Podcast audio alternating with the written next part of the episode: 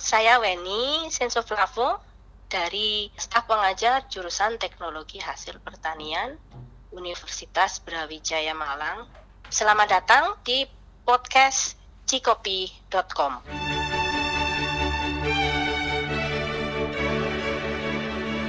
Assalamualaikum, hello teman-teman sekalian Inilah dia podcast episode yang ke-91 Saya Tony Wahid, penulis web kopi cikopi.com Walau tadi sudah dikenalkan di awal podcast Saya ingin kembali menyebutkan tamu penting pada perbincangan kita kali ini.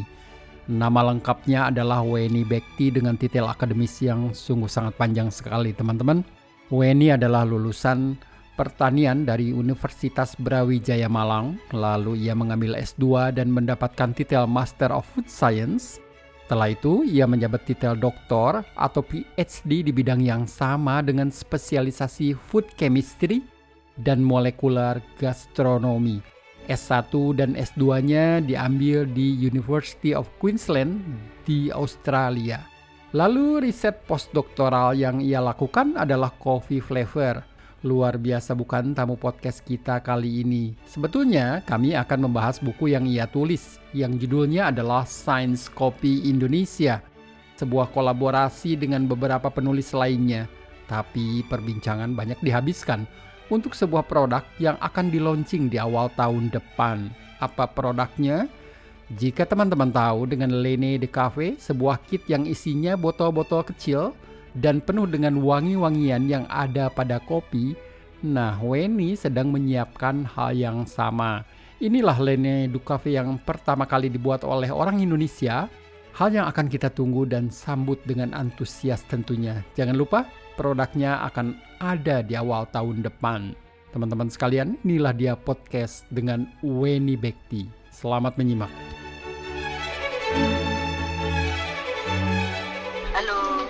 Halo, selamat siang Mbak Weni. Selamat siang Pak Tony. Jadi juga salam kita kenal. podcast. Salam kenal Mbak Weni. Bagaimana? Ya, salam kenal Pak Tony. Apa kabar? Baik, cuaca Malang bagaimana siang ini? Ah, agak ya gloomy gitu, mendung-mendung kelabu sedikit gitu. Tapi ya tidak hujan. Demikian ya. juga di planet Bekasi saat ini sangat gloomy sekali Oh iya, gloomy juga di Bekasi ya. Betul. Betul. Mbak Weni ya. terima kasih sudah menjawab. Ya, terima ya. kasih sudah menjawab sudah menjawab di IG waktu saya ajak untuk podcast. Terima kasih. Oh iya, sama-sama. Iya, kita akan banyak cerita nih Mbak Weni. Oh iya, tidak apa-apa Pak.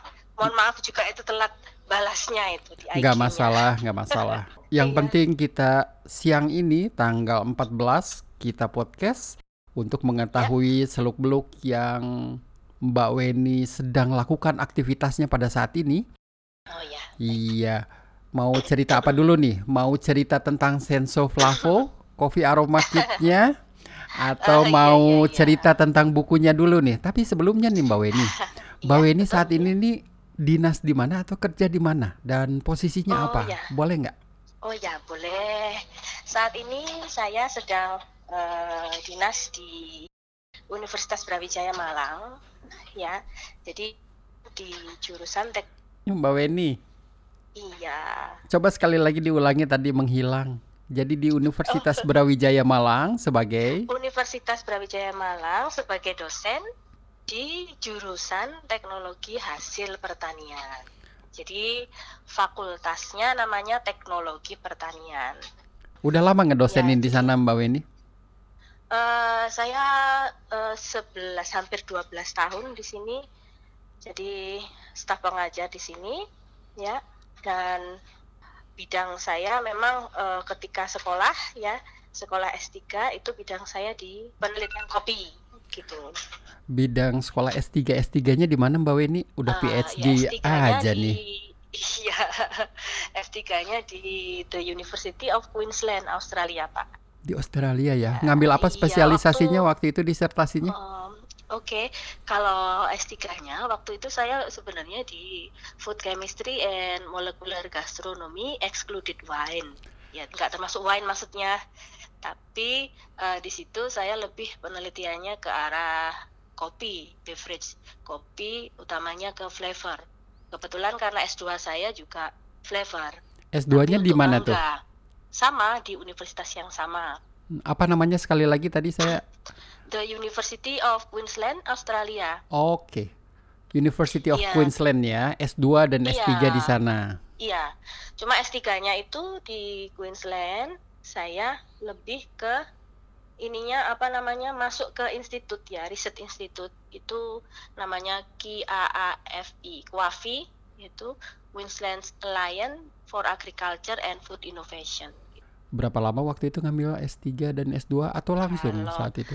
Enggak, kalau S- setelah S2 itu saya pulang, baru kemudian saya bekerja di Brawijaya. Nah, kemudian S3-nya itu saya sekitar empat tahun.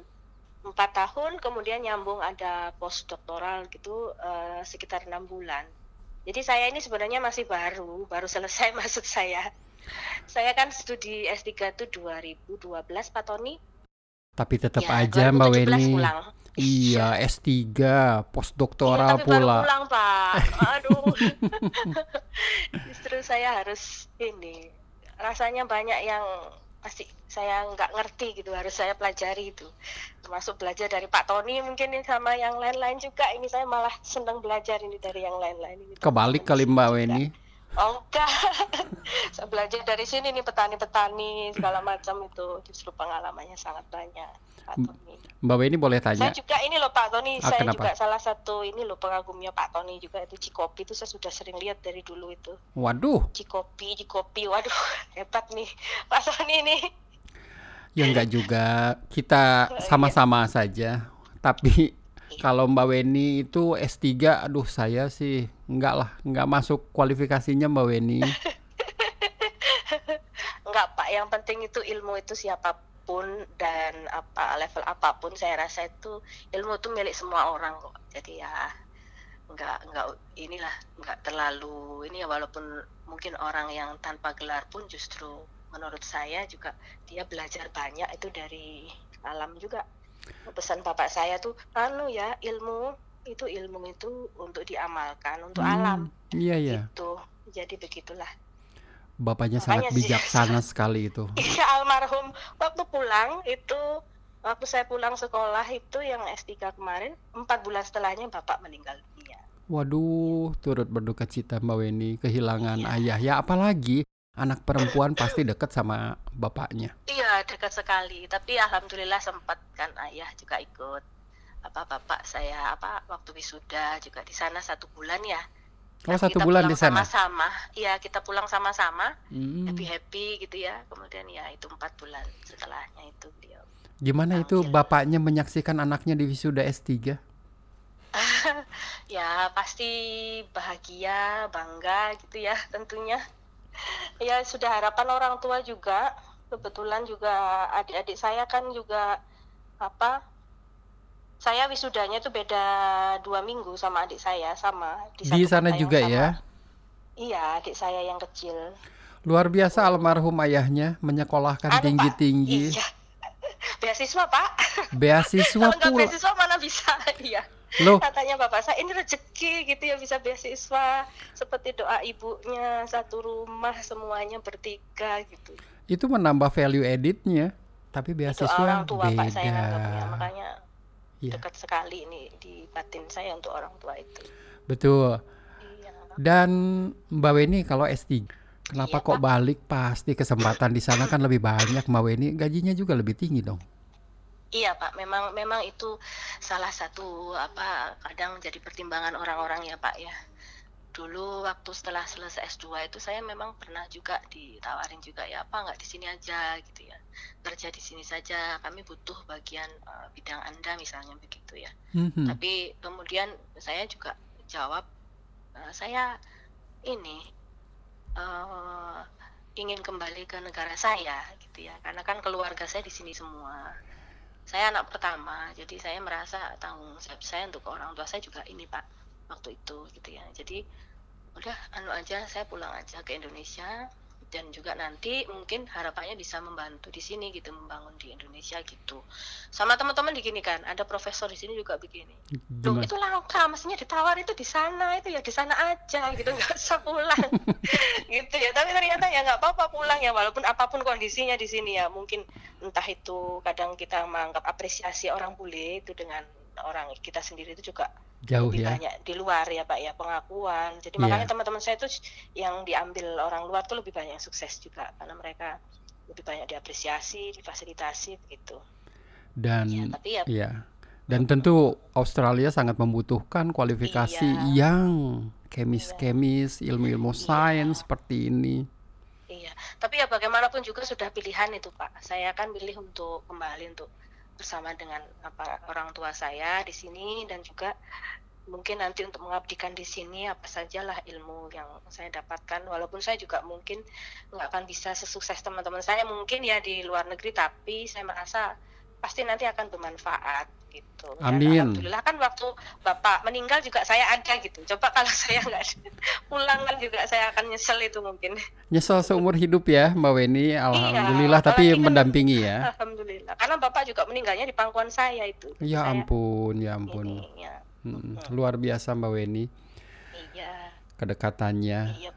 dan iya, kita inspirasinya dari inspirasi beliau. dari beliau ya tentu tentu Iya. tentu Mbak Weni kalau di sana boleh tahu gaji Iya. seorang saintis berapa sih di Australia itu Mbak Weni di Australia itu kalau saintis saya kurang tahu pasti tapi yang jelas pasti cukup lah Pak untuk postdoktoral saja ya.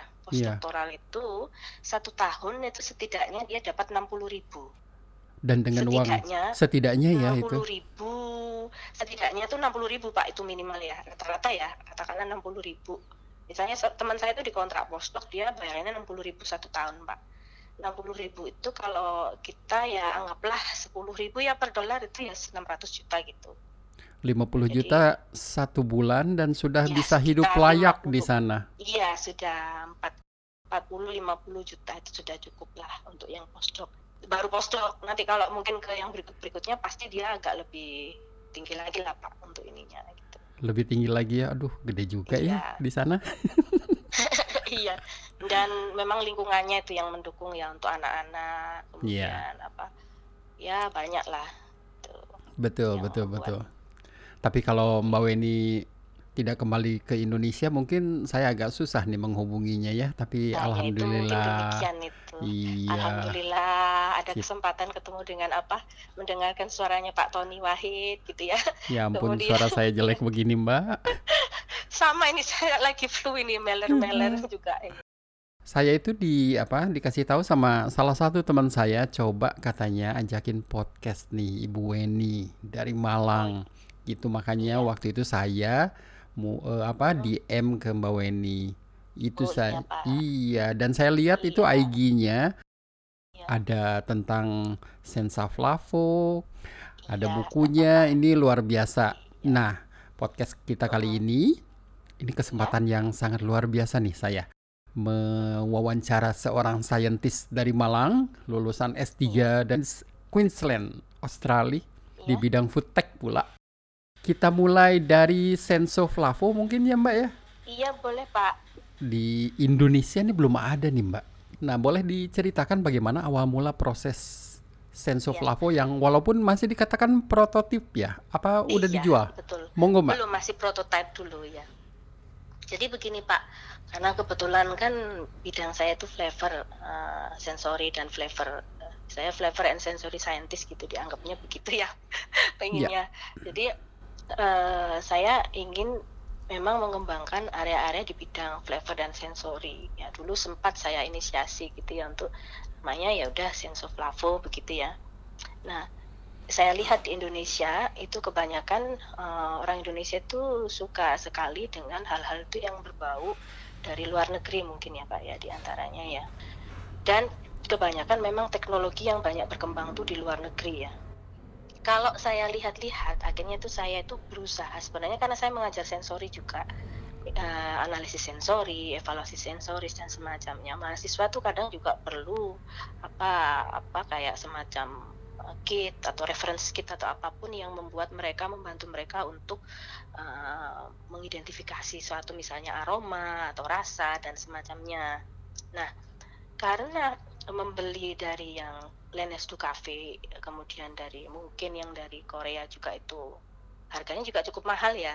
Saya dulu sempat di Sydney dulu ikut pelatihan juga untuk SCAA itu yang Lenes du Cafe pernah, kemudian Golden Cup juga pernah begitu di Australia kalau nggak salah tahun 2015 2015 2016 Nah itu mm-hmm. kalau saya lihat sebenarnya itu kan kumpulan dari seperti library perpustakaan gitu ya. Iya. Semacam itu, iya. Untuk membantu orang mengenali. Nah akhirnya saya membayangkan, oke okay, nanti saya juga ingin untuk membuat sesuatu, ya kit yang kira-kira akan bisa digunakan untuk tujuan yang tadi, tujuan tersebut. Dan tentunya itu saya buat di antaranya juga uh, mungkin bisa saya tambahkan dari uh, apa aroma-aroma atau apa pun yang sifatnya juga lokal ada di sini begitu sehingga bisa digunakan oleh kafe-kafe uh, yang ada di paling enggak di uh, Indonesia sendiri begitu Pak. Nah waktu saya uh, memang ini masih prototype karena kebetulan saya ini lebih banyak itu kan seperti kumpulan set ya. Yeah. Kan saya membuat semua, tapi formulasinya kan saya ya. Jadi saya memformulasi semua itu tadi. Misalnya satu aromanya katakanlah mau yang karamel gitu ya. Seperti itu. Cita rasa atau aroma karamel itu seperti apa? Itu saya tunjukkan di dalam satu botol tadi. Kemudian mungkin di antaranya tadi smoky atau apa seperti aroma-aroma yang pada kopi itu asap-asap begitu. Mm-hmm. itu seperti apa? Kan kadang orang juga perlu referensi. Iya kalau enggak ya. susah ya ya untuk referensi karena kalau di sensori kami pun pasti pakai referensi sedangkan yang saya buat biasanya saya gunakan waktu penelitian di Australia dulu referensi yang saya pakai itu saya buat sendiri tapi ini natural maksudnya saya harus eh, dengan keadaan segar itu menyiapkan semua referensi sendiri-sendiri. Kalau kayu gitu saya harus motongi kayu sendiri, kemudian dicampur sama apa-apa gitu sehingga aromanya kira-kira seperti ini yang ada di kopi gitu. Itu cukup uh, banyak juga yang dilakukan karena kalau tanah juga begitu. Karena kami waktu itu kan nggak punya pure compound tanah misalnya geosmin gitu kan kita tidak punya pure compound ambil tanah mungkin tanah basah seperti ini baunya yeah. untuk panelis itu mengenali ya yang pure compound yang kita punya adalah dulu dari wine uh, karena kebetulan ini saya adalah wine apa namanya pembimbing saya itu adalah wine ahli bidang wine ya jadi saya punya uh, dia beliau punya kit juga yang untuk aromanya untuk wine khusus untuk wine ya khusus. Makanya saya ingin seperti ya katakanlah kita meniru uh, seperti di Lenes du Cafe misalnya dan juga yang di seperti di Korea begitu. Ya, hanya saja yang lebih simple begitu, Pak. Lebih simple. Oke. Okay. lebih simple kita sementara karena hanya ada sekitar kalau tidak salah itu sementara 18 yang saya formulasikan itu. 18 Dan ya. Memang banyak mm -hmm. mm, banyak dari mereka itu dari vialnya itu adalah yang Masuk, apa namanya itu essential oil begitu ya Pak. Yeah. Kemudian ada uh, kemudian juga ada yang sebenarnya saya ekstrak sendiri saya ekstrak sendiri misalnya dari beberapa jenis rempah-rempah itu kami ekstrak sendiri hanya saja kami juga masih ngecek stabilitasnya juga begitu.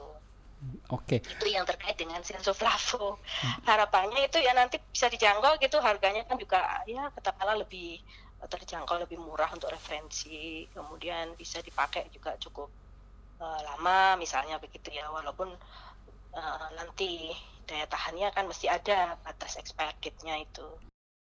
Kalau Lenes Du Cafe kan ada 36 tadi Iya. Mbak Weni menyebutkan ada 18 sudah setengahnya nih untuk iya, kira-kira. pengenalan ya nantinya. Mm -mm. Namun ada nggak nanti yang dikenalkan dalam Senso Flavo Cafe ini yang hanya ada di Indonesia dan tidak ada di misalnya di Lenedu Cafe? Oke, yang kemarin itu yang saya coba, yang nggak ada di Lenedu Cafe, yang saya ekstrak sendiri katakanlah seperti tape itu kan nggak ada juga ya pak ya di dalam Renes du Cafe. Tape ya? Misalnya he -he, misalnya seperti itu. Tapi yang prototipe lainnya itu masih apa masih kami kembangkan berdasarkan masukan-masukan ketika survei kemarin gitu entah itu nanti mau ke dondong mau apa begitu kan bisa juga sebenarnya. Dondong itu seperti apa sih gitu. Akan kami ekstrak cuma masih ada kendala juga sebenarnya yang ekstrak aroma yang alami dari buah-buahan seperti itu. Kalau kita apa mix dari beberapa compounds pure compounds mungkin akan lebih baik atau lebih stabil hanya saja penelitiannya butuh lebih lama karena kan harus tahu yang uh, key compounds dari masing-masing bahan itu tadi apa kan begitu. Cuman kami arahnya ke sana. Jadi ada yang memang nggak ada di situ katakanlah bisa kami masukkan. Walaupun kemungkinan itu bisa mirip-mirip dengan apa yang mereka sudah punya ketika itu dicampur atau bagaimana gitu. Kami sangat menunggu ini produknya Mbak. Bukannya apa-apa ya. Kalau mengingat-ingat iya, aroma dan flavor, cuman disebutkan saja tanpa pernah kita mengalaminya langsung agak susah kali ya. Dan betul, tadi Pak. ini saya senang banget. Itu kendala kami, Pak. Kendala kami ketika saya itu dulu waktu di Australia memang uh, kami tuh menguji 59 kopi waktu itu. Itu dari apa maksudnya berbagai uh, negara. Kemudian saya kami apa seleksi lagi menjadi sekitar 26 kopi. Nah, kendalanya adalah karena kopi itu kan terlalu kompleks ya, produk yang sangat kompleks. Apalagi kalau bicara masalah aroma. Jadi orang itu kesulitan sebenarnya untuk menerjemahkan. Mm-hmm. Mungkin ya kalau Q grader itu sudah lebih terlatih mungkin ya. Yeah, Jadi betul. kalau untuk uh, itu secara standar dia mungkin sudah punya. Ini yang seperti ini ini yang floral. Floralnya itu ke mana? Floral floranya itu ke mana? Dia apakah ke lili jasmine dan lain sebagainya? Mungkin uh, bisa tahu kalau buah mau buah tropis dan lain sebagainya. Tapi kalau panelis-panelis yang lainnya itu kan juga masih perlu banyak experience dan paling nggak pengenalan dengan exposure ke reference-reference standar juga sebenarnya. Walaupun uh, uh, walaupun kenyataannya pun pasti nanti kesulitan lagi. Karena di kopi itu mereka udah nyampur. Nggak akan mungkin pure compounds yang reference itu kan kita sediakan mungkin hanya beberapa komponen ya atau mungkin pure compounds misalnya. Jadi kopi kan dia udah mix sama yang lain. Itu ternyata matriksnya itu juga menimbulkan kesulitan tersendiri sebenarnya. Lebih kompleks ya Mbak ya dibandingkan Lebih dengan kompleks. wine. Dengan wine bagaimana kopi? Iya, kalau wine itu juga termasuk kompleks Pak. Cuma matriksnya dia kan kebanyakan itu ya air sama apa sedikit mungkin ya air uh, etanol atau apa alkoholnya kan juga cukup tinggi di situ ya.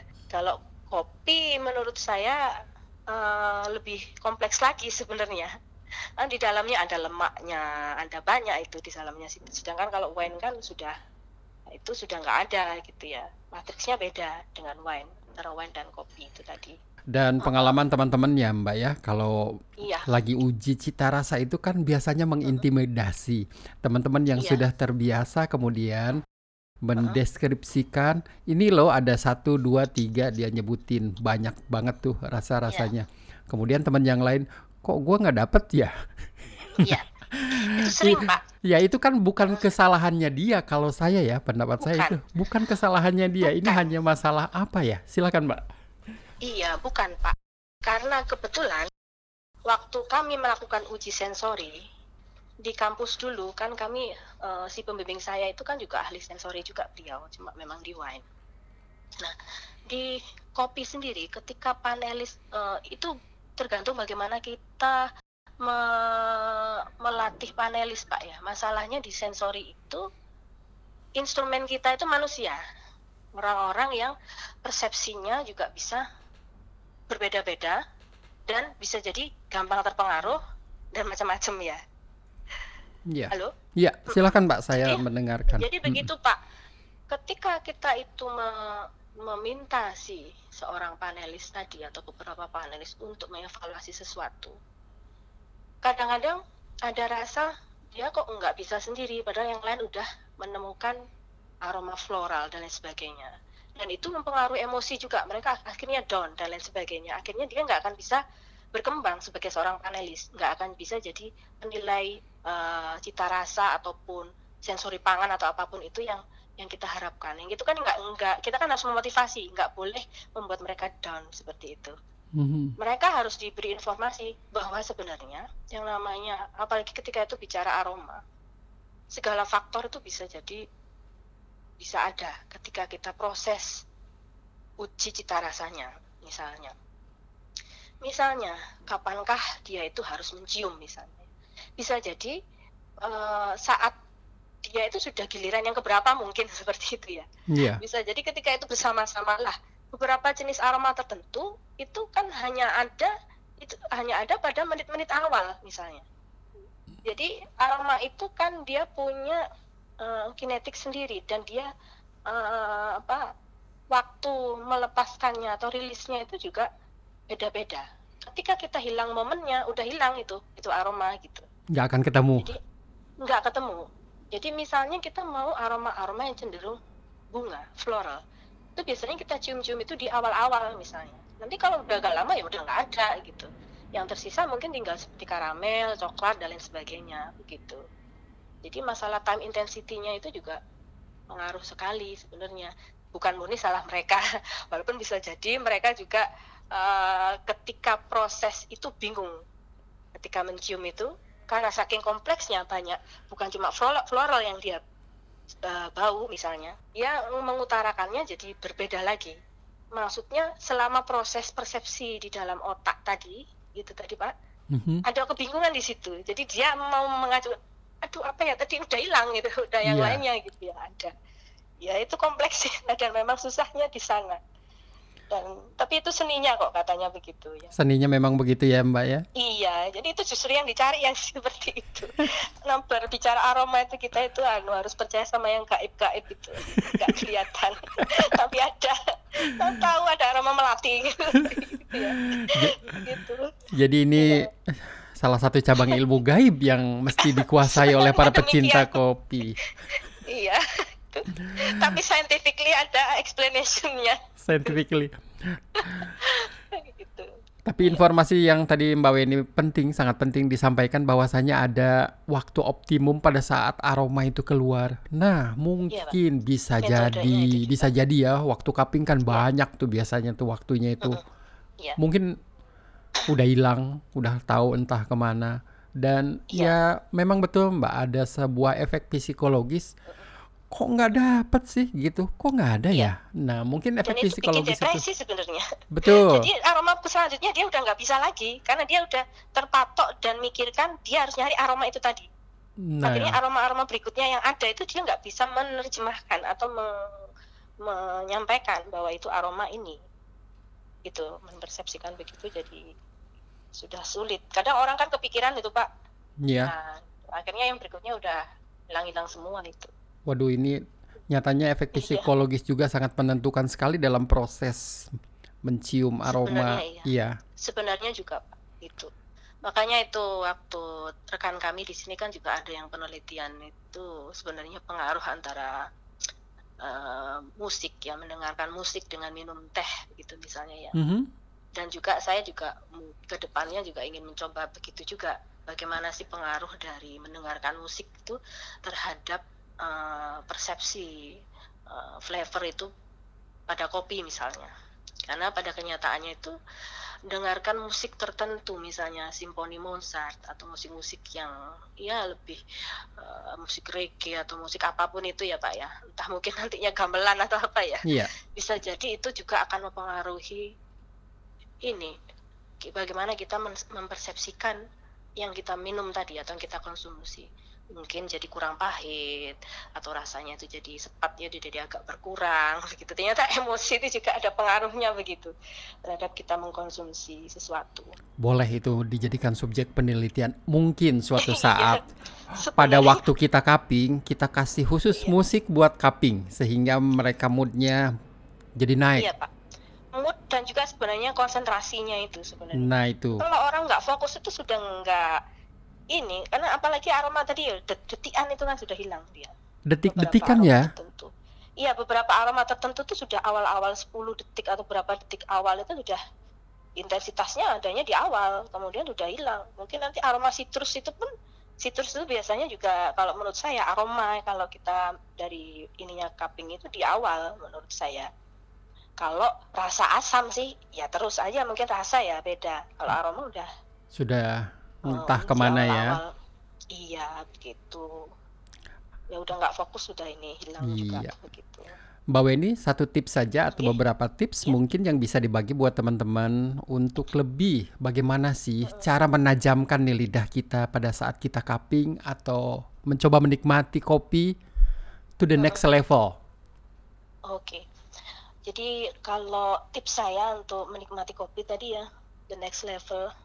Ya pertama eh, tentunya kita harus eh, punya ini ya, keinginan untuk mengapresiasi kopi itu ya. Karena udah kalau nggak ada keinginan untuk apresiasi ya udah semua kopi ntar sama aja gitu. Sama aja ya. Padahal heeh, padahal semua kopi tuh unik ya, seperti kita sendiri kan juga unik ya Pak ya. Iya, Makanya kalau saya ngasih tahu ke anak-anak muda juga, ya kalian itu harus be yourself gitu ya. Jadilah diri Anda apa adanya, karena tiap manusia itu unik.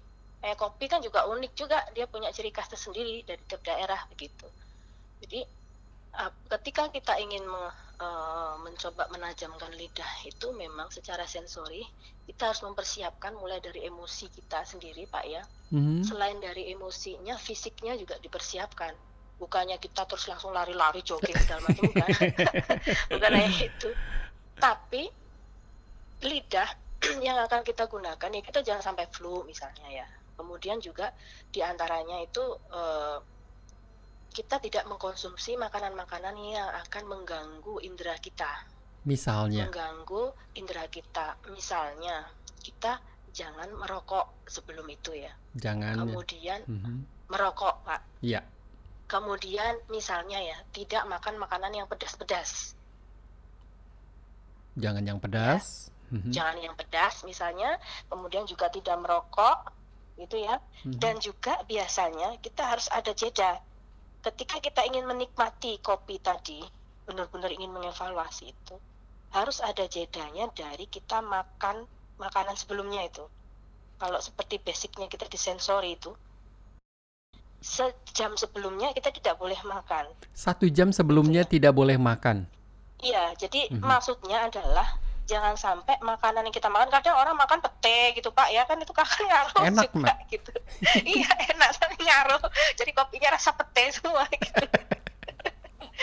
rasa karena Hmm. rasa itu kan eh, orang kadang mendefinisikan rasa itu aroma tadi ya. Iya. Biasanya rasa jeruk, rasa ini padahal itu aroma sebenarnya ya.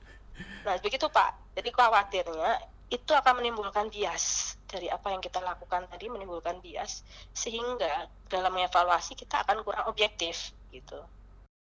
Jadi bukan hanya dari sampel tadi tapi pengaruh lingkungan. Lingkungan ya. Iya. Juga tempat Pak, lingkungan juga pengaruh. Mhm. Jadi termasuk tempatnya itu enak nggak untuk cupping misalnya. Kalau dia terlalu ramai, ada orang lalu lalang dan sebagainya, itu kan juga mengganggu konsentrasi ya. Apalagi orang yang lewat tadi pakai parfum Bulgari atau apa gitu. ya. Waduh, Wah, gangguan udah udah itu. nggak boleh ya, jangan. Nggak boleh, Pak.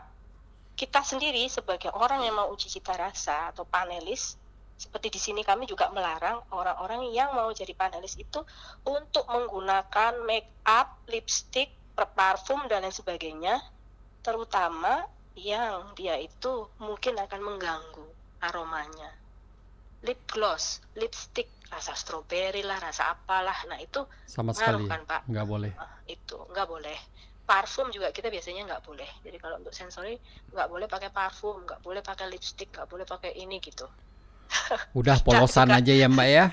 polosan aja deh gitu. Apa adanya tadi loh pak. Iya iya iya. itu itu beberapa tipsnya. Jadi seperti capsaicin untuk di cabai pak ya. Ketika kita makan pedes-pedes capsaicin itu kan juga akan ganggu karena dia mengiritasi lidah kita Hmm, hmm, hmm. Jadi pengaruhnya itu nanti kita bisa uh, ya dianggap seperti mati rasa begitu.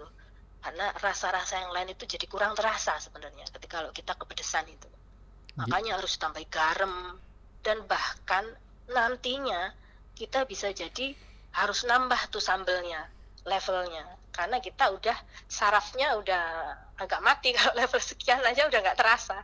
Kita mau yang lebih tinggi. Nah itu kan juga akan merusak reseptor-reseptor yang ada pada lidah, kemudian di ininya juga. Jadi orang akan kurang kurang sensitif dalam menguji. Sayangi Sensor lidah ya. Mbak ya. Iya, jadi sama kondisinya nggak sakit, kita harus juga menyayangi lidah, termasuk juga tidak merokok ketika mau uji tadi ya. Ya, kalau cuma mau minum kopi sama ngerokok ya silakan gitu ya. Iya, Tapi kalau memang mau eh, mengevaluasi tadi tidak boleh sama sekali. tidak, Oke. karena itu akan bias menimbulkan eh, ini dengan yang lainnya. Ada interaksinya juga gitu antara yang dia konsumsi sebelumnya gitu dengan eh, produk yang akan kita incipi gitu ya Iya. termasuk juga interaksi dari si rokok-rokok tadi bahan-bahan yang ada di situ kita jadi akan kurang sensitif kalau menilai smokiness kemudian mungkin eh, spicy atau apalah yang ada di dalam si Yang ada kaitannya dengan tembakau tentunya. betul Mbak ya, Weni, Pak.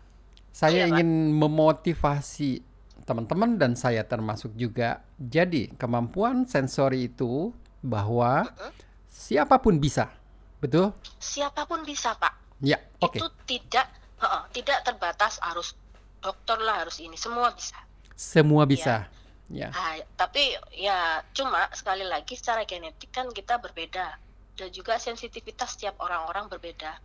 Ketika ingin menjadi panelis eh, misalnya kopi atau apa, ya pastilah nanti ada pelatihan-pelatihannya sendiri begitu ya yang memang untuk mempertajam sense-nya mereka tentang kopi gitu ya termasuk di antaranya untuk mengenali aroma-aroma menggunakan kit tadi kemudian mengenal- mengenali rasa pakai berbagai jenis asam gitu ya untuk di lidah itu kan itu juga bisa gitu Jadi semua siapa pun bisa melakukannya.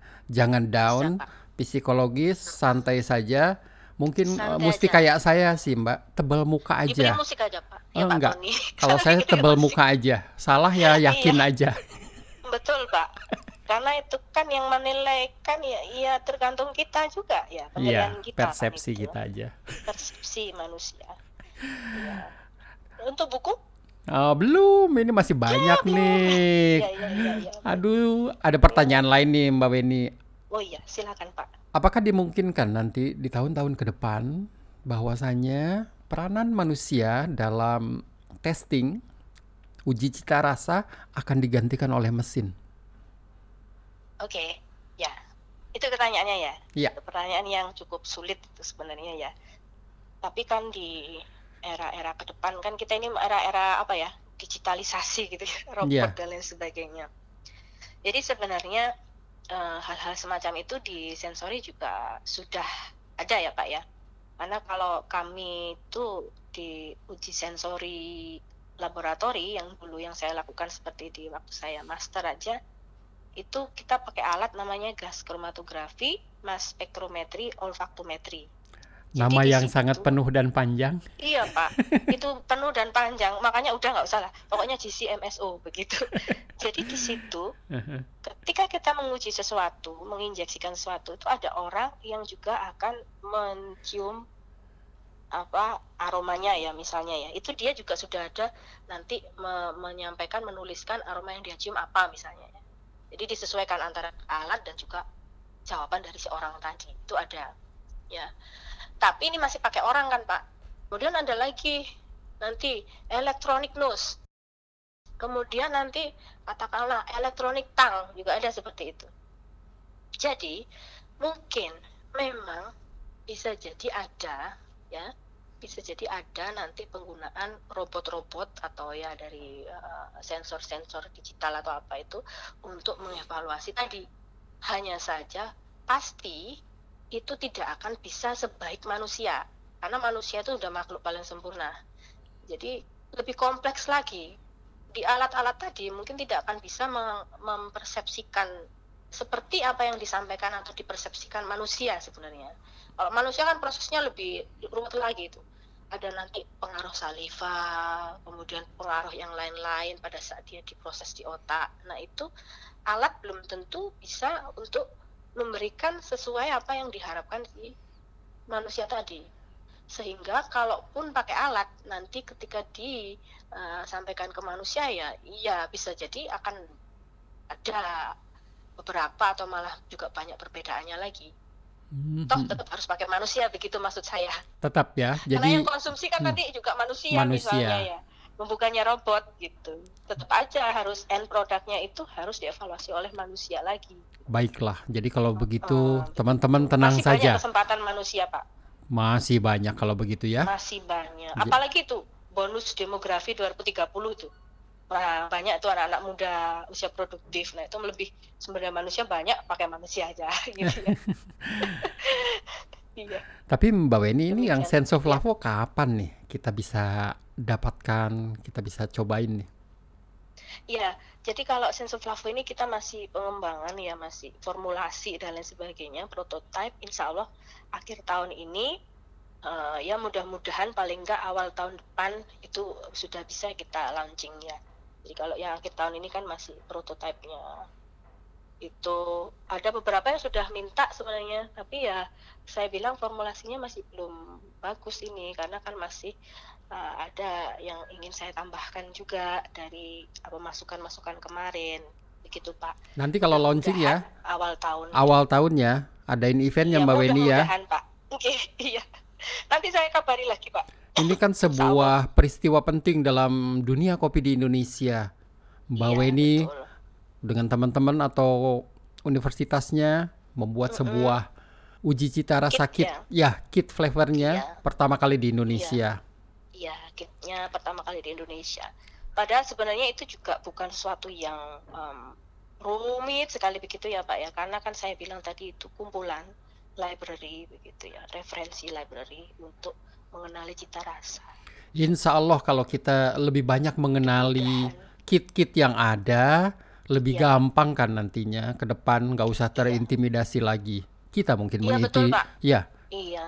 Dan juga saya kasihan kemarin waktu teman saya itu bawa yang kit yang isinya 100 tuh 100 file tuh ya. ya. Ternyata kadang orang-orang itu tidak tahu bagaimana menggunakannya. Jadi, Jadi gimana Jadi itu? apa Pak? Jadi itu ya eh, sebenarnya kayaknya itu sudah udah beli mahal-mahal 5 juta atau berapa ya itu si aromanya udah udah kecampur-campur gitu Pak. Karena Lah, setelah buka tutupnya itu tutupnya ditutup botol yang lain gitu kayaknya. Jadi sudah campur udah rusak itu Wassalam. segitu. Wassalam, wassalam udah bener. Karena kan udah mix Pak. Jadi enggak Nggak, enggak semestinya tutup iya. itu hanya untuk itu aja. Aduh, kadang-kadang orang nggak tahu gitu. Jadi waduh, gitu sayang sekali ya, sudah jutaan Sayang. salah pula. Iya. Tapi ngomong-ngomong. Mbak Weni minum kopi kan? Saya minum Pak, tapi Iya. memang tidak tidak banyak. Saya Tidak. dulu tuh minum waktu kecil itu karena nenek saya suka minum kopi, ibu saya juga minum kopi ya. Saya memang suka minum kopi akhirnya dulu gitu ya. Sekarang juga minum, tapi memang tidak terlalu banyak. Tadi disebutkan ikut pelatihan eh, Specialty Coffee Association, jadi dapat sertifikasi juga dari Oh, Lembaga enggak, itu? Pak. Saya Oh, ikut enggak. Pelatihannya saja. Saya belum dapat sertifikasi khusus ya. Oke. Itu antara maju mundur. Saya dulu dulu mau ikut sertifikasi yang seperti Q grader misalnya ya. Itu agak maju mundur juga gitu ya. Udahlah nanti mungkin suatu saat gitu ya. Enggak gini, Mbak Weni. Kalau Iya. pendapat saya sih, ya. mereka yang mesti belajar sama Mbak Weni dong. Iya. Ilmunya Nggak udah the next next level entah yang keberapa. Lah, saya juga perlu belajar kok Pak ini malahan. saya ingin tahu juga seperti apa mereka ya. Walaupun saya sudah ya Aduh. secara umum tahu ya dari pelatihan-pelatihan itu kan mereka Ya, saya tentang Golden Cup uh, sama Lenedo Cafe itu aja Uh, tiga kalau nggak salah dulu apa yang saya lupa satunya itu brewing atau apa ya dulu cuman yang yang untuk Q gradernya dulu saya agak maju mundur karena ya nanti dulu lah gitu nanti dulu lah apakah harus gitu saya apakah harus gitu dulu. Tapi ternyata pasar orang-orang di sini juga katanya harus gitu juga. Saya masih mikir juga pak. Kalau Mbak Weni ya membuka kelas banyak ini pengikutnya. iya. Hmm, kenapa pak? Banyak. Pasar lagi bagus sekali di Indonesia untuk kopi dan banyak teman-teman atau siapa pun nanti yang ingin tahu lebih banyak, pengen belajar, pengen ikut pelatihan, apalagi yang memberikan pelati- eh, pelatihan adalah seorang PhD dari luar pula yang punya reputasi tentunya, Iya. kredibilitasnya tentu lain, Mbak. iya boleh Nanti ditunggu Boleh, ya Pak. kelasnya. Boleh Pak, kalau mau Anda mau membuat pelatihan-pelatihan juga boleh. Nah, maksud saya memang uh, ke depannya saya juga ingin memberikan semacam itu Pak pelatihan-pelatihan. Jadi pelatihan uh, terutama terkait dengan cita rasa, aroma dan sensori khususnya ya Pak ya. Boleh, itu boleh. Nanti, iya. Dan saya juga berharap nanti pun pelatihan-pelatihan yang saya buat itu ya apa ya agak sedikit berbeda di mana mungkin uh, katakanlah bisa lebih dijangkau gitu Pak oleh masyarakat gitu kadang pelatihan tuh mahal sekali mahal. kan ya Waduh. mahal sekali saya tuh inginnya kalaupun itu nanti mereka ada yang bisa bayar mahal oke okay lah ya tapi saya ingin juga mungkin ada beasiswanya gitu ya jadi orang-orang yang tidak uh, apa kurang mampu atau seperti apa gitu atau mungkin dari petani gitu udah nggak usah bayar seperti itu hmm. jadi hal-hal semacam itu karena sementara ini kan kami juga ngajari mahasiswa seperti itu kan juga udah free seperti itu ya Pak ya. Jadi apa salahnya kita juga berbagi dengan yang lain dengan uh, sesuatu yang lebih nggak terlalu profit oriented begitu Pak. Ditunggu. ilmu tadi untuk ilmu tadi untuk amal untuk alam tadi lo pesennya Bapak saya. Dan juga Tap. dan juga jangan lupa ditulis katanya bapak saya. Ditulis. orang Indonesia itu kelemahannya menulis dan membaca kata bapak saya. Betul betul oh, sekali suka itu. menulis. Aduh saya juga nggak pinter nulis. Akhirnya udah saya nulis aja. Ini buat apa saya saya nulis buku. Saya akhirnya demikian. Jadi juga kan tulisan? Ya, jadi walaupun masih hmm. nanti perlu disempurnakan lagi hmm. masukan yang lain mungkin bisa nulis dengan kawan-kawan dari Qgrader atau nulis dari dengan kawan-kawan yang berkecimpung bidang kopi lainnya gitu akan boleh Mbak Weni kalau nanti saya. membuka Mbak Weni nanti kalau okay. membuka pelatihan saya akan iya. bantu ya. promosiin buat teman-teman ya janji tuh Iya terima kasih Pak Tony terima kasih Mbak Weni ini adalah aset Indonesia yang sangat penting untuk dunia kopi. Saya sangat senang bisa apa podcast dengan Mbak Weni. Seriously ini Terima salah kasih, satu yang Pak, paling iya. penting sekali dalam podcast kita. Kita kembali ke sama-sama. Kemudian kita akan bahas tentang bukunya. Ini bukunya luar biasa sekali dan iya. silahkan diceritakan awal mula menulis buku yang iya. tadi dikatakan dari bapak uh, almarhum ayahnya. Jadi iya pak, uh, ayah saya tuh kemar menulis gitu ya tapi menulisnya di buku catatannya sendiri gitu masalah filosofis dan lain sebagainya saya sampai mikir-mikir oh kalau begitu saya akan menulis kopi dan sufisme begitu lebih cocok secara filosofis akhirnya iya akhirnya ketika saya memberikan apa seperti kuliah gitu di beberapa universitas lain UB gitu ya yeah. atau pelatihan itu juga sempat saya sampaikan kopi dan cita rasa sebuah filosofi begitu. Mm -hmm. Jadi ya kalau yang di buku saya ini pak ini sebenarnya kami yang menulis ini kan ada empat orang ya saya dan juga sama beberapa orang Pak Kiki, Pak Sudarminto, Pak Nur yang mereka juga ada di dalam riset grup kami sebenarnya. Jadi di kampus di Brawijaya ini eh, THP khususnya kami juga tergabung dalam sebuah riset grup itu namanya Brawijaya Sensu Gastronomi Center. Ya. Mm -hmm. Jadi kami uh, menulis tentang kopi ini awalnya memang kan saya yang menginisiasi karena bidang saya khusus masalah kopi. Nah, saya ber, berpandangan bahwa uh, selama saya studi di Australia waktu lalu saya amati perkembangannya buku-buku um, karya dari anak negeri kita sendiri ya Pak yang terkait di bidang kopi itu masih sangat terbatas ya. Di antaranya ada buku yang dari Pak Edi Panggabean misalnya, kemudian buku-buku yang lain tapi jumlahnya itu masih menurut saya kurang. Termasuk di antaranya publikasi jurnal internasional itu di bidang kopi yang dipublikasikan oleh kita dari Indonesia ya eh, peneliti Indonesia sebagai penulis pertama itu juga terbatas gitu. Hmm. Nah oleh karena itu saya ingin berusaha memberikan sumbangsih walaupun mungkin belum banyak ya Pak ya. Tapi kita tuh butuh butuh acuan gitu. Dan yang kita bisa biasanya orang-orang tuh seneng acuannya yang dari luar negeri misalnya ya katakanlah ya buku kemudian mungkin diterjemahkan diterjemahkan begitu ya. Tapi kita sebenarnya itu punya uh, sumber daya manusia misalnya untuk membuat menyusun buku-buku yang juga uh, cukup potensial atau mungkin uh, cukup bagus. Karena kita ya tadi kita juga tempatnya produsen kopi di sini. Kita juga punya uh, kemampuan juga sebenarnya resource sebenarnya ada. Hanya saja mungkin kurang menulis tadi.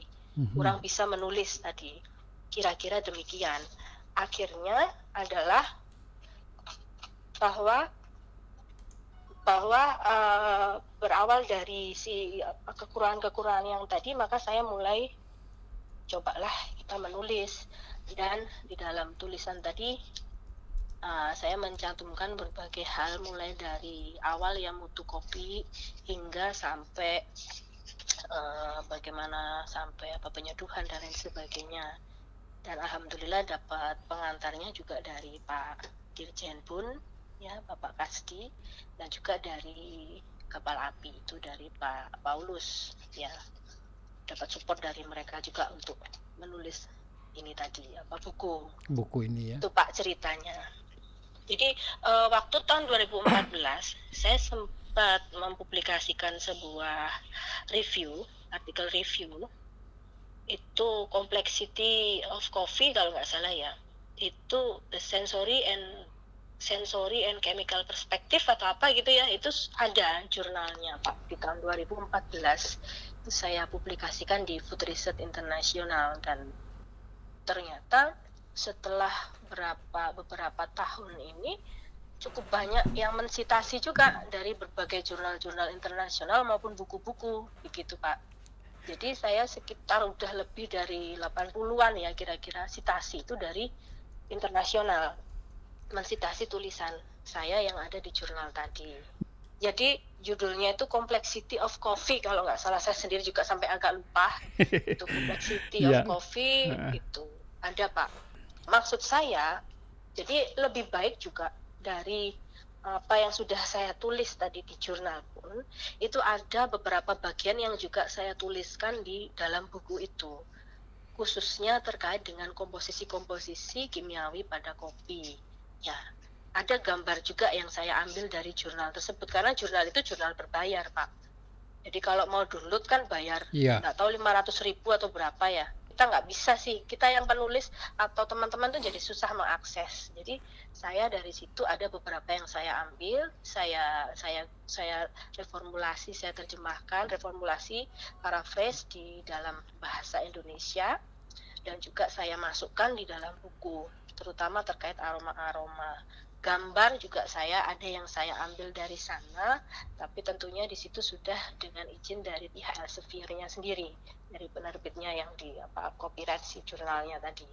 Itu. Nggak sembarangannya jurnal ini. Mbak Weni menambah kekaguman Putri. saya, tidak banyak peneliti ya. Indonesia yang masuk ke jurnal-jurnal internasional, Mbak Weni. Iya Pak, hmm. memang yang nggak mudah. Saya juga masih menulis lagi aja juga apa uh, perlu perlu banyak perjuangan lagi. Betul dan gitu. ya maklum saja Mbak Weni PhD dari Australia sana. Ya kalau iya. di sana ya harus jago nulis. Ya iya, publish iya, of Paris katanya. Iya. Itu oh. anu Pak, judulnya Complexity of Coffee Flavor. Complexity of uh, Coffee Flavor. Iya, a compositional and sensory perspective gitu. Masya Allah itu judulnya Mbak Weni. Saya ya. aja sampai geleng-geleng kepala maksudnya saya nggak paham. Iya, saya aja juga mikir kok bisa ya saya nulis gitu. Ya namanya saya juga masih belajar loh, nun saya lupa ya. Aduh, you just saya anu kok ini humble. belajar harus ke semua orang. Ini juga masih ketika pulang, waduh, petani ini lo lebih pintar dari saya mengenai pembudidayaan dan lain sebagainya. Ya saya belajar dari beliau gitu ya Pak saya belajar dari Bapak. Bapak sudah ahlinya di bidang ini. Saya yang harus banyak belajar. Enggak saya gitu kalau enggak. endless endless kalau sains itu kan selalu nggak ada jalan apa? Nggak akan sampai-sampai itu. Iya. Iya Pak. Katanya hidup itu untuk belajar Pak ya. Iya jadi dong. kita mencari ilmu terus. Harus harus harus. Tidak ya, ini ada. Saya juga mau belajar dengan Pak Tony nih. Saya yang mau belajar ini saat ini ini banyak sekali. Tapi iya. kalau saya lihat dari daftar isinya ini dari A sampai Z, makanya disebutnya ini adalah sebagai sebuah buku rujukan, ya. Iya. Atau ya, manual betul, yang ada 19 uh, 9 bab, sorry. Dari mulai hmm. mutu kopi, cita rasa, kompleksitas, prapanen, pasca ya. panen, roasting, ya, sampai seduh ada semuanya sampai di kopi. Seduh Sampai Jadi ini seduh. basic aja Pak, secara umum keseluruhan orang ingin tahu tentang kopi ya sudah buku ini gitu ya.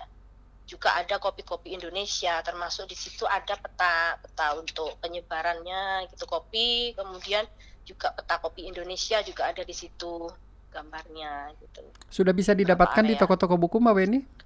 Em, itu bisa didapatkan di kebetulan belinya via UB Press Pak atau sementara saya juga belum tahu belum saya tanyakan lagi sudah ada di toko-toko buku atau tidak yang Hmm. jelas dari UB Press itu sudah bisa pesan kalau nggak salah online pun sudah ada atau kalau tidak itu pemesanan juga bisa disampaikan ke lewat IG-nya Senso Flavo atau mungkin juga kontak ke saya sendiri atau ke Brawijaya begitu. Siap ya Mbak ya, nanti akan Iya. kita publikasikan ini sebentar lagi.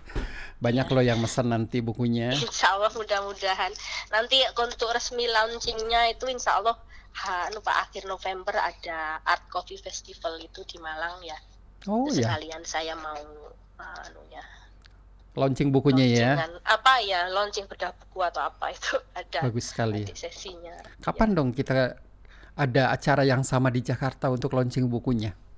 Boleh Pak Tony saya diberi informasi juga kapan di mana. Silakan. Boleh, boleh. Mudah-mudahan. Nanti saya bersedia untuk kok informasi sharing ke semua. Karena menurut saya ya saya bukan orang yang paling pandai di bidang ini Pak. Tapi mungkin ada beberapa hal yang bisa saya bagikan dan bermanfaat itu akan lebih bagus. Sehingga saya juga bisa belajar dari yang lain ngambil manfaat dari pengalaman si A si B. Jadi memperkaya eh, diri saya sendiri juga begitu amin, amin. amin Tentu sangat bermanfaat. Pustaka ya betul apa pun, apalagi kopi. Aduh, kopi kan sedikit sekali di Indonesia, Mbak, pustakanya ya. Amin. Iya, insya Allah amin. Gitu mudah-mudahan. Ya itu sedikit Pak, sayangnya. Padahal anak mahasiswa itu juga sering perlu mereka itu Betul. untuk penelitian, bukan cuma mahasiswa, masyarakat yang lain juga mungkin perlu. Nah, Apalagi Pak Tony nanti mungkin bisa buat buku. Atau saya mungkin sudah Pak Tony ini malah gitu ya. saya Coba menulis ya. saja di blog sama podcast. Sudah cukup Oh biar iya, Mbak Weni saja yang banyak. memang punya kredibilitas untuk menulis buku. Kalau saya aduh enggak deh, Mbak. Dulu kan astronomi itu apa sih Mbak ilmunya tentang luar angkasa? Ilmu Iya, apaan sih? Susah banget, perbintangan gitu ya. Hmm, Tapi sekarang itu adalah salah satu ilmu yang sangat prestisius. Setelah Iya, Stephen Hawking misalnya membuat iya betul. The History eh, The Brief History of Time yang dengan Iya, bahasa yang sangat mudah dipahami oleh siapa pun. iya, Bayangkan saintis, bukunya bagus sekali. Iya, The. Brief History yang of Time, kok kita bisa jadi paham ya? Kata iya saya, iya, saintis harus begini. Mm-mm. Betul Pak itu Pak. Dan itu yang masih harus saya pelajari Pak. Karena saya juga merasa menulis itu masih terlalu scientifically. Saya ingin menulis sesuatu yang populer, lebih populer agar ini bisa lebih menyebar. Lebih Diseminasi menyebar. ilmu dan teknologi itu akan lebih mudah ketika orang itu bisa membuat eh, karya-karya atau tulisan yang bisa mudah dipahami banyak orang, populer Iya. gitu. Kalau Mbak Weni bisa lulus Kursus S3, aja deh. Pasti bisa membuat tulisan yang jauh lebih bagus. Percaya sama saya lah, Mbak. Mm-mm, mm. Ya betul Pak. Saya sangat kagum loh sama Mbak Weni membuat sebuah Ah, publikasi tulisan di sebuah jurnal kasih. ilmiah. Coba bayangkan ya, Mbak ya. Berapa banyak misalnya kalau saya lihat, saya suka mendownload misalnya katakanlah New England Medical Journal. Waktu saya sakit empedu misalnya. Saya download. Kalau penelitian-penelitian mohon maaf ya. Dari Iya. Indonesia aduh kok nggak nemunya namanya orang Indonesia. Iya, itu kesulitan kita. Entah Iya. kenapa ataukah banyak sebenarnya faktornya mungkin ya. Iya, sedih sih saya Fasilitas kalau hal itu ya, dunia Iya. sains kita. Dan Mbak Weni sudah membuktikan orang Indonesia Iya. bisa menulis di Iya. jurnal. Dan saya yakin masih Termasuk banyak. Mhm. iya Pak, termasuk di bidang kopi itu kan kebanyakan misalnya dari Brasil, Italia gitu ya. Waktu lalu saya pernah sempat ketemu dengan Profesor Petacro itu yang Mhm. salah satunya dari eh, penulis di buku The Science Espresso. Espresso itu espresso Iya, coffee atau apa itu? betul. The Mhm. Science of Quality. Mhm. itu salah satu penulisnya itu kan Profesor Petacro yang dari ILI itu ya Iya, kafe sempat dulu pernah ketemu ya ini orang-orang ini adalah mereka yang secara saintifik dia ada di belakang dari ILI ILI itu iya, jadi dan dia juga bisa menulis eh, scientific begitu ya di buku yang ternyata dijadikan kitab mungkin bagi banyak orang. Dan saya juga sempat ketemu waktu itu karena memang kita ada konferensi begitu di Portugal kala itu ya. Itu dengan Bu Profesor Farah itu yang sudah memang dia salah satu uh, ahli di bidang kopi kalau di Brasil. Jadi uh, tulisan beliau tentang uh, coffee constituents kemudian berbagai itu kan juga banyak dipakai orang begitu Nah, orang-orang yang itu juga ternyata mereka ya tulisannya saja bisa dipakai di mana-mana tapi ya itu tadi belum menjumpai yang dari Indonesia itu yang dipakai di mana-mana salah satunya juga. Mbak Weni. Belum ada. Nah itu saya ingin belajar lah karena beliau kan sudah sepuh-sepuh ya. Yeah. Pak Petakro itu aduh Pak ternyata Bapak ini orangnya sepuh. Waktu ngobrol kopi Indonesia gimana? Indonesia itu kebanyakan masalahnya itu kamu ya anu ya kualitasnya juga turun aja apa ya memang produktivitas juga ya kita yeah. juga mungkin ada masih jauh ya kualitas hmm. juga Brazil kan dan hmm. saya sempat ketemu sama ini Pak waktu untungnya waktu di Australia dulu dengan Pak itu loh siapa hmm, Yeretsian, Profesor Yeretsian itu dia mm-hmm. uh, dulu berbicara tentang coffee freshness gitu ya. Beliau juga dulu pernah kerja dengan Nestle gitu ya. Tapi sekarang banyak juga publikasi-publikasinya Pak Yeretsian. Mereka itu basicnya saintis gitu ya Pak ya. Tapi ternyata itu justru yang paling banyak dipakai di industri itu ya orang-orang seperti mereka dan mereka pandai juga cara menyampaikan dan sebagainya. Ya usianya memang sudah jauh di atas saya begitu yeah. harus banyak belajar. Kok bisa? Saya cuma kok bisa gitu aja. Aduh hmm. gimana caranya? Itu pusing juga mikirnya. Mbak Weni saya doain ya. belajar itu tadi. Aduh Pak. Iya. betul. Mbak Weni nanti akan menjadi salah satu tokoh scientist kopi di Indonesia tentunya yang sudah terbukti proven dan semakin maju nanti ke depannya mudah-mudahan Pak. Tapi ya saya gak ada apa ya ini pokoknya jalan terus saja lah ya iya. soal yang lain-lain itu belakangan menurut saya. Yang penting niatannya tadi ya mudah-mudahan manfaat gitu manfaat, aja Pak. Yang tadi ya betul. hmm, ilmu amal alam tadi itu udah udah itu aja udah deh. itu aja. Nasihat almarhum ayahnya yang tadi iya, yang diamalkan ya. Iya ilmu al amal sama alam ya. itu Matur nuwun sangat Mbak Weni. Sami-sami. Terima kasih. Sampai ketemu lagi. Sampai ketemu Senang lagi, sekali Pak. saya bisa podcast ini luar biasa Mbak Weni. Iya, sukses. Sama-sama ya Pak. Iya, ditunggu produknya Senso Flavo oh, iya, Coffee Pak. di iya. akhir tahun mungkin dan itu ada yang bilang iya mungkin sederhana sekali hanya kumpulan library reference gitu tapi itu sangat membantu menurut saya betul betul gitu. dan itu sangat kita tunggu ya. sebab dibuat ya. oleh Mbak Weni dari Indonesia. Sebuah okay. event yang sangat luar biasa bersejarah. Terima kasih Mbak Siap. Weni, silakan dilanjut. Iya. Mari. Terima kasih. Yo. Terima kasih. Teman-teman demikian tadi podcast episode yang ke-91. Jangan lupa untuk selalu menantikan episode-episode selanjutnya di iTunes maupun Spotify. Tony Wahid pamit, salam dan tetap ngopi. Pas aja biar lepas bebas. Sorry ini zaman kopi tanpa ampas. Attitude buruk jangan sampai tinggalkan bekas Mengelupas buas. Ada banyak pilihan selera harga dan alasan. Jangan tertekan sebelum ambil keputusan. Investasi Investasi tak perlu terburu-buru agar langkah tak terjatuh Pertimbangkan dengan utuh jangan sampai kau tertipu Sabar sabar agar kau tak tersasar Cari sumber informasi tanpa dusta yang lakukan makar Buka websitenya jangan malu-malu Sebarkan di beranda Share dengan temanmu C to the E to the K to the O to the P to the E G copy C to the E to the K to the O to the P to the E C copy cikopi.com Buka Jangan malu-malu Jangan malu-malu. Cikopi.com Sebarkan di beranda Share dengan temanmu. Hey yo yo. Yo Namaku Tony Kuwariskan literasi Referensi industri kopi terwahid Eksplorasi data-data valid. Jangan sampai jalan entrepreneurmu jadi sembelit. Tak perlu pelit Karena tak ada yang sulit. Selama relevansi mimpi menjadi logis Dalam harga dan